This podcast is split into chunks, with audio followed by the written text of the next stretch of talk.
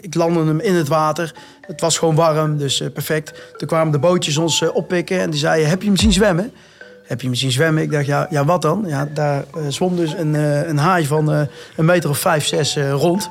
Nou, ik ben blij dat ik hem niet heb gezien. Want ik denk, als, als ik hem had gezien, dan was ik in de boot geland. En niet in het water, denk ik. Dus dat is wel, wel heel grappig. Dus die blijft altijd wel, wel bij. De Koninklijke Marine zet zich in voor veiligheid op en vanuit zee, zo wijd de wereld strekt. In deze podcastserie vertellen onze militairen waar die inzet hen gebracht heeft. Van patrouilles over warme Caribische wateren tot parachutesprongen hoog boven Noorwegen. Want de mannen van ons korps mariniers opereren niet alleen op de grens van land en water, maar kunnen ook worden ingezet vanuit de lucht. Daar kan luitenant Niels je alles over vertellen. Hij begon als dienstplichtig marinier, werkte zich op tot lid van de Netherlands Maritime Special Operation Forces en is inmiddels instructeur bij de Defensie Paraschool, waar alle parachutisten van de krijgsmacht worden opgeleid. En in die instructeursrol was zwemmen met haaien zeker niet het enige hoogtepunt. Mijn naam is Juri en je luistert naar De Marine Wereldwijd. Alle andere afleveringen van de podcast hebben we opgenomen in Den Helder. Maar we zijn nu in Doorn. Waarom zijn we ook alweer in Doorn? Nou, in eh, Doorn is het uh, operationele mariniers uh, zijn daar geplaatst. we hebben natuurlijk meerdere kazernes in Nederland, waaronder in Rotterdam het opleidingscentrum. En in Doorn, ja, daar zitten eigenlijk alle operationele eenheden geplaatst van de mariniers. En bij welke operationele eenheid ben jij dan geplaatst? Nou, ik, ben, ik sta eigenlijk boven de operationele eenheden. ik ben paracoördinator voor het gehele Corps Mariniers. Dus zowel voor de Maritime Special Operations Forces, de Marshof, uh, die zitten gedeeltelijk in Den Helder geplaatst en gedeeltelijk in, uh, in Doorn geplaatst. En uh, 1 en 2 MCG, die zitten in Doorn geplaatst en dat zijn de Mariniers eenheden. Ja, en de MCG is de Marine Combat Group, dus de operationele eenheden. Ja. En um, je zit hier voor mijn uniform, maar even ter begin, zeg maar. Als jij op een barbecue komt en je moet je voorstellen, hoe stel je jezelf dan voor? Uh, als uh, Niels. Hetzelfde als jullie, denk ik. Met je voornaam en uh, achternaam. Kijk, wij zitten bij Defensie en dan zullen we ons altijd, tenminste met beeldmateriaal of op, met een podcast, altijd alleen met de voornaam aanspreken. En dat is een stukje ja, veiligheid wat we voor al het personeel binnen Defensie willen hebben, zeg maar. Ik, ik ben trainingsofficier voor, voor het MTC, dus Mariniers Trainingscentrum. En uh, wij verzorgen eigenlijk uh, de trainingen en dan voor mij specifiek het op parachute gebeuren. overal ter wereld eigenlijk. Dus dan moet je zo zien, we hebben automatische opening parachutes, zeg maar de, de oude ronde bol, zoals we dat vroeger uit films wel kennen. daar, daar springen we mee en we springen vrije val. Military freefall noemen we dat ook wel in de volksmond. En dat is eigenlijk met die matrassen die je, die je wel ziet, die zijn heel bestuurbaar. En uh, daar kun je zelfs tot op uh, hoge hoogte met zuurstof uh, kilometers mee invliegen. Met al je operationeel materiaal, wapensystemen, dat soort zaken kunnen we, kunnen we afspringen. Um, en daarbuiten kunnen we ook nog materiaal droppen. En dat doen we met een CDS-lading, dat is eigenlijk Container Delivery Systeem. Uh, en daar kunnen we voedsel, uh, munitie, uh, maar zelfs ook boten mee droppen. skidoes kunnen we daarmee droppen. Dan kun je eigenlijk alles ja, wat je zou, waar je operationeel mee voorwaarts moet, kunnen wij droppen per parachute. Ja, nee, heel imponerend. We gaan zo nog even dieper in op de operationele kant. Maar ik ben eerst benieuwd naar jou als persoon en hoe jij bij de marine en dus het korps mariniers bent gekomen. Ja. want je bent nu dan wel parachutist en instructeur, maar zo ben je niet begonnen, neem ik aan. Uh, nee, zeker niet. Ik uh, ben uh, in, dat is heel lang geleden. in 1992 ben ik in dienst gekomen voor mijn nummer. dienstplichtig. marinier geworden. Nou, toen ben ik uiteindelijk heb ik een, een uitzending al toen de tijd gedraaid. ik heb in de West gezeten, zeg maar Curaçao en Aruba. In de volksmond noemen we dat de West. Ehm, daarna heb ik operationeel gezeten bij verkenningseenheden. daarna nog wat bij speciale eenheden gediend. En uiteindelijk eh, door mijn rangen heen als onderofficier eh, adjudant eh, geworden. uiteindelijk op de Defensie Parenschool terechtgekomen, waar we dus alle parenopleidingen verzorgen. En uiteindelijk vanaf die functie hebben ze gevraagd: zou jij trainingsofficier willen worden binnen Corps en dan voor alle paras en alle parazaken te regelen. Wist je al van jongens aan, ik wil het groene pak aan? Of had je ook um, schoolmeester of buschauffeur kunnen worden? Uh, nee, ik, ik, ik, speelde als, uh, als kind al altijd soldaatje. Hè? dat vond ik toch altijd mooi. Ik, wij woonden vlak bij de bossen, dus dan ga je heel snel klimmen, klauteren, uitdagende dingen doen, soldaat spelen. Ehm, uiteindelijk, ja, voor mijn dienstplicht moest ik dus in dienst. Nou, toen vroegen ze, ja, wat, wat zou je willen doen? Ik zei, ja, ik wil ook bij het Korps Mariniers of bij het uh. Toen zei ze, nou, ik denk dat je meer kans hebt bij het Korps Commandotroepen. Toen zei ik, nou, dan ga ik de uitdaging aan, dan wil ik marinier worden. Dus zo ben ik bij het Korps Mariniers terechtgekomen. Als je kijkt op plaatjes toen tijd en, en wat je dan van meekrijgt. Nu krijg je natuurlijk op YouTube kun je alles opzoeken. Dat was in die tijd natuurlijk niet. Maar er waren wel boekjes en je kon wat, wat zaken vragen aan mensen die eventueel marinier waren geweest. En dan, en dan hoor je dingen, ja, je, leert er skiën in, in Noorwegen. Je gaat bergen beklimmen in Schotland. je kunt parachute springen, je, je kunt duiken. Er zijn zoveel verschillende dingen. En ik denk, elk jongetje die van uitdaging houdt, ja, die ziet dat als een, als, als een droom, zeg maar. Het is eigenlijk ook wel een droom, ja, boek, zeg maar, als je het zo ziet. En, en ja, ik, ja ik, ik, ik, ik ben er toevallig ingerold voor mijn dienstplicht. Maar ik snap dat jongens nu, die er echt voor kiezen, die gaan vier jaar of misschien wel langere uh, tekenen die voor een contract natuurlijk. alleen ik zou initieel een jaar gaan. Maar toen ik erbij zat, dacht ik, ja, ik vind het zo mooi. Toen ben ik eigenlijk beroeps geworden en heb ik, ja, wat ik al zei, meerdere uitzendingen uiteindelijk natuurlijk gedraaid.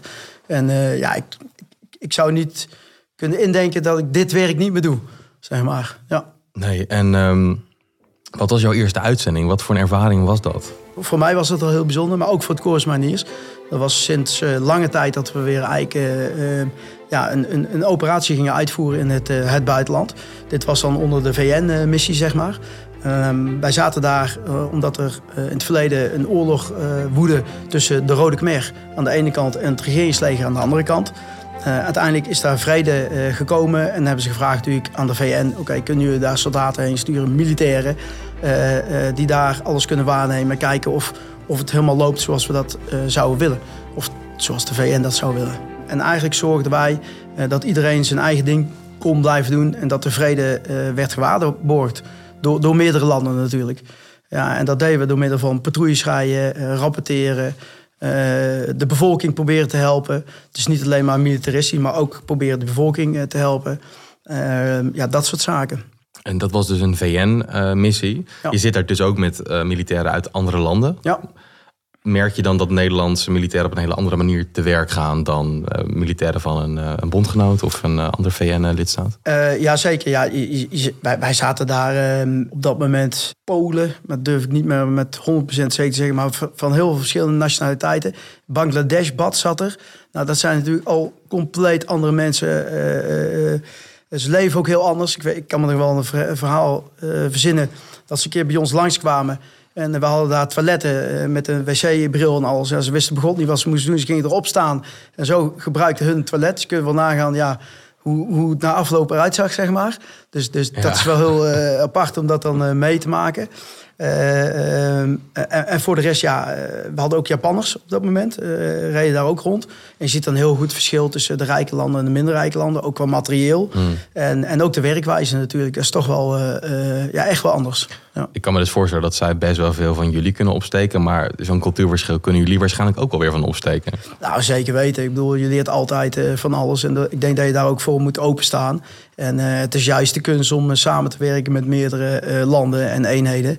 En, uh, en dat, maakt, dat is ook wel een hele mooie ervaring uiteindelijk. Uiteindelijk is jouw specialisme het parachutespringen geworden.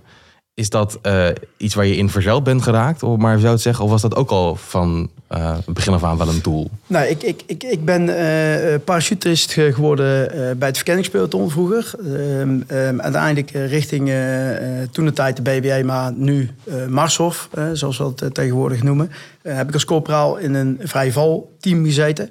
Dus onze specialisme was eigenlijk, ja, uh, kon een binnenland of een buitenland zou je kunnen ingezet worden uh, door middel van parachute. Dat is een, een, extra stukje inzetmiddel. Tegenwoordig, uh, in het hier en nu, moeten die jongens alles kunnen. Dus die moeten alle, alle inzetmiddelen kunnen. Want toen de tijd was meer gespecialiseerd. Nou, uiteindelijk ben ik daar teamleader ook geworden in dat, in dat team. als sergeant zijnde. Uh, toen dacht ik, ja, dat vind ik toch wel echt uh, heel mooi. Uh, toen kwam eigenlijk het, het verzoek van, hey, zou jij, heb je interesse om eventueel dispatcher, oftewel para-instructeur te worden? Um, nou, dat vond ik natuurlijk super mooi. Er waren er niet zo heel veel binnen, binnen het korps op dat moment. En dan, dan ga je de, de instructeursopleiding in. Dat wil zeggen dat je eerst zes maanden in België uh, zit je eigenlijk interne opleiding. Daar is de opleiding eigenlijk verdeeld in, in een, een aanlerende fase. Daarna dan moet je ook leren droppen, zeg maar, met, met valschermen vanuit een ballon. En dat is specifiek in, in België. Is wel heel gaaf om dat te doen. Dus met een soort ja, luchtballon. luchtballon. als je die halve sessie hebt verbracht, dan ga je daarna de vliegtuigopleiding in, om het zo maar te zeggen.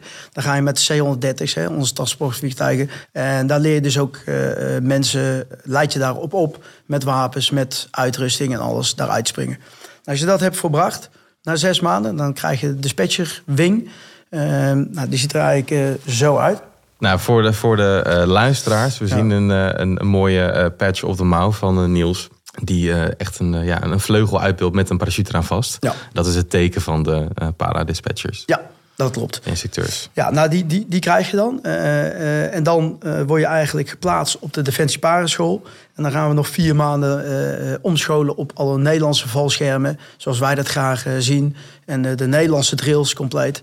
En dus na ongeveer een jaar dan ben je pas echt volwaardig Nederlandse pareninstructeur. En dan begint het pas. En dan begint wat pas? Want... Nou ja, dan, dan ga je echt ervaring opdoen als pareninstructeur. Ja, je kunt ook meerdere opleidingen dan uh, dus op de Defensie Parenschool gaan, uh, gaan volgen. En dan moet je denken aan uh, vallenstuur, dus met een camera opspringen. Dat je dus ook mensen kan gaan begeleiden. Want dat doen wij ook. Hè. Dus als wij met vrij gaan springen, dan begeleiden wij ze met een, met een camera bovenop de helm. Dan brieven ze en we debrieven ze ook. En dat doet iedereen op precies exact dezelfde manier. Zodat het niet uitmaakt of je met Jantje, Pietje of Klaasje springt. Maar de briefingen en de debriefs zijn allemaal hetzelfde. Om mensen op een hoger niveau uiteindelijk eh, te krijgen en veilig. Samenwerking gaat verder dan alleen defensiebreed. Maar ook internationaal werken we natuurlijk samen. Ook dus als instructeurs en als parachutisten binnen NAVO-landen heb je daar ook zelf procedures als het gaat om springen? We proberen dat wel, want we, hebben, uh, we zitten hier in, uh, op Eindhoven, uh, de EATC. Dat is zeg maar een organisatie, er zitten de Amerikanen bij, de Belgen, de Nederlanders, de Duitsers, nou, de Fransen. Heel veel verschillende eenheden uh, en landen. En dan proberen wij die drills zoveel mogelijk om elkaar af te stemmen. Ik als je kijkt, een aantal jaar geleden hadden wij andere dropzone afmetingen dan bijvoorbeeld de Belgen of de Amerikanen. Dat was natuurlijk heel onhandig, want als we uh, gezamenlijk wilden optrainen, uh, dan moesten we elke keer andere groottes van die sets gaan verkennen. Nou, dat was niet zo handig, dus dat hebben we wel kunnen afstemmen. Maar echt de drill in de vliegtuig, zul je altijd zien, is net iets anders. Ehm, de rugzakken waar we mee springen, het aflaatsysteem is net iets anders, maar het, het lijkt uh, redelijk op, op elkaar, moet ik zeggen. En de drills zijn ook redelijk op elkaar afgestemd. Dus, uh, dus uiteindelijk komen we steeds meer bij elkaar en we trainen wel heel veel samen. Ja. Hoe voelt dat nou, zo'n sprong van heel erg hoog en dan ineens in het water landen, bijvoorbeeld? Ja, nou, we hebben het wel eens, uh, is wel grappig, we hebben het wel eens gemeten met een hartslagmeter. En dan zie je uh, het moment dat jij zeg maar op moet staan voor, voor die sprong boven. Dan zie je bij iedereen, ja, die hartslag gaat omhoog. Op het moment dat je eruit gaat, is die hartslag natuurlijk best wel hoog. Dat is natuurlijk altijd een spannend moment. En daarna zie je die hartslag weer naar beneden gaan. Dan ben je lekker aan het vallen, hè? kun je een beetje kijken om je heen. Hè? En uh, op het moment dat je weet, hey, ik ga bijna open, dan zie je die hartslag weer omhoog gaan eigenlijk. Tot het moment dat je bent geopend, dan gaat die hartslag weer naar beneden. Uh, tot het moment dat je weer moet gaan landen, hè, dan komt er weer een beetje hartslag op, ja, uh, op het land of in het water. Ja, ik durf het bijna niet te vragen, maar gaat het wel eens fout? Nou, toevallig een aantal jaar geleden was ik als instructeur in België geplaatst. En sprongen we met een aantal Belgische collega's af. En de zon stond toen vrij laag. En uh, ja, ze, ze wilden eigenlijk gaan landen. En op een meter of dertig zijn ze uh, in mekaars valscherm gevlogen. Dat was wel ontzettend schrikken, ook voor die gasten zelf. Uiteindelijk hebben ze het gelukkig wel overleefd, die twee, die twee instructeurs. Maar dan zie je ja, dat je echt ontzettend moet opletten. Het is een super mooi inzetmiddel. Maar er komen best wel snelheden bij. En je zit toch op, op hoogte te werken. En als het dan misgaat, dus je valt in elkaar of eh, je vliegt iemand anders uit de lucht, ja, dan is het wel meteen uh, met grote gevolgen. En ja, er, gaat ook wel eens iets mis. Maar we hebben eh, ter voorbereiding op de podcast ook gevraagd om na te denken over een van de meest spannende momenten die is bijgebleven. En misschien een van de meest leuke momenten die is bijgebleven. Heb je daar een, van beide een, een goed voorbeeld? Nou, eentje is wel heel erg bij. Natuurlijk wel heel, heel veel sprongen. Maar eentje, mariniers hadden een missie in Somalië. Uh, toen zijn wij uh, daar uh, naartoe gevlogen. Toen hebben wij een, een soort van oefen-inzetsprong gemaakt in Djibouti. En dat was in zee. een aantal mensen die gingen met een ronde bol in zee landen. En wij sprongen daar vrij val uiteindelijk achteraan. Als instructeurs? Met, ja, als instructeurs. En het was natuurlijk super mooi weer daar. Ehm, ehm, ik, ik, landde hem in het water. Het was gewoon warm, dus perfect. Toen kwamen de bootjes ons oppikken en die zeiden: Heb je hem zien zwemmen? Heb je zien zwemmen? Ik dacht, ja, ja wat dan? Ja, daar uh, zwom dus een, uh, een haai van uh, een meter of vijf, zes rond. Nou, ik ben blij dat ik hem niet heb gezien. Want ik denk, als, als ik hem had gezien, dan was ik in de boot geland. En niet in het water, denk ik. Dus dat is wel, wel heel grappig. Dus die blijft altijd wel, wel bij. Ja, dat kan ik me wel voorstellen, ja. Een van de landen waar we heel veel mee samenwerken, binnen de NAVO, maar misschien ook nog wel hechter bilateraal, is het Verenigd Koninkrijk. We hebben ook de UKNL Amphibious Force. En afgelopen jaar, we spreken 2023, hebben we uh, in Noorwegen ook een parachutist uh, training gedaan. Ja. En daar was jij bij. Ja, nee, dat, was, uh, dat klopt. ja, de samenwerking is nu 50 jaar. En dat was voor ons een ontzettend mooi moment om dus gezamenlijk een parachutesprong uit te voeren. Nou, ze zijn ook naar ons gekomen. En ja, ze wilden zelf ook heel graag met ons die samenwerking aan op parachutespringgebied. Uiteindelijk hebben wij, ja, ik denk een man of tien van de, van de Engelsen bij ons op het kamp gehad. Uh, die hebben kunnen omscholen op het Nederlandse valscherm. Dus die hebben ook de Nederlandse uh, wing uiteindelijk kunnen, kunnen halen. En dat was wel een heel mooi moment, ook voor die Engelsen. Ja, het is toch iets bijzonders dat je al zo lang samenwerkt. En dat ze ook ons op komen zoeken om te vragen of ze met ons kunnen parachute springen. En wat wel bijzonder was, wat uh, wat hun normaliter doen, is, is, is afspringen met een wapen. Dat deden wij vroeger ook. En een rugzakje. En deze keer zijn we wel verder gegaan. Hebben dus grote uh, hebben we meegenomen. Een soort van slees. Waar je dus ook mee kan skiën, zeg maar. We hebben skis meegenomen en skischoenen. En, en daardoor hebben we ook meer voorzettingsvermogen in de, in de zeg maar. En uh, dat was heel bijzonder. Dat wilden hun heel graag zien hoe wij dat eigenlijk deden. En als je kijkt volgend jaar of de jaar daarop, dan willen we meer gaan samenwerken met hun en ook meerdere dingen gaan, gaan droppen. Zodat we operationeel ook in de Arctic meer samen gaan werken. Ja, en zo werd de Amphibious Force niet alleen op de grens van land en water, maar ook op de grens van land en lucht. Ja, en, en, en sneeuw en, en ijs natuurlijk. Dus dat was wel heel bijzonder, moet ik zeggen, dat wij die sprong hebben kunnen uitvoeren met, met Engelsen ja, eh, sneeuw en ijs, dat is Noorwegen. Maar je bent op heel veel plekken geweest. Cambodja, helemaal aan het begin. Toen nog als marinier 1. Uh, eh, maar ook Somalië als parachutist, instructeur al. Ja, Irak, Wat... Afghanistan. Ja, op, op, zoveel plaatsen natuurlijk. Ja. Ook weer zo'n flauwe vraag. Maar ik stel deze wel aan alle mensen die wij interviewen. Ja. Wat is de mooiste plek waar je geweest bent? En wat staat er stiekem nog op je lijstje om als militair naartoe te gaan? Nou, een van de mooiste eh, plekken die, die ik uiteindelijk vond is Zuid-Afrika geweest. Dat was heel bijzonder. En uh, wij kwamen daar aan en we zouden eigenlijk de eerste tien dagen een soort van RNA hebben, Rest in Retirement. Dan zie je toch Zuid-Afrika, ja, die spreken ook Nederlands gedeeltelijk. En die zagen ons echt als, ja, toch een beetje eh, de voorouders. Dus in plaats van dat wij tien dagen verlof hadden, hadden hun een heel programma in elkaar gedraaid. En uh, wij kwamen daar aan en toen, uh, toen zei ze, nou, uh, zorg dat je één groen pak aandoet. En we kwamen daar aan in zonnebrilletjes en we dachten, tien dagen mooi verlof, een beetje Durban te kijken en daar met de Great White te gaan duiken. Maar het verliep totaal anders. Dus uiteindelijk komen we daar aan en we moesten een ander vliegtuig stappen. Een aantal uren vliegen, daar uitgestapt in, in grote trucks en uiteindelijk, achteraf, belanden wij in het Kroegerpark. Dat is eigenlijk een, eh, eh, een reservaat waar, waar alle wilde dieren eigenlijk eh, zitten in Zuid-Afrika. Vanaf de leeuw tot de olifant, ja, de Great Five, zeg maar. En we hebben ze ook, zijn we ze ook allemaal tegengekomen.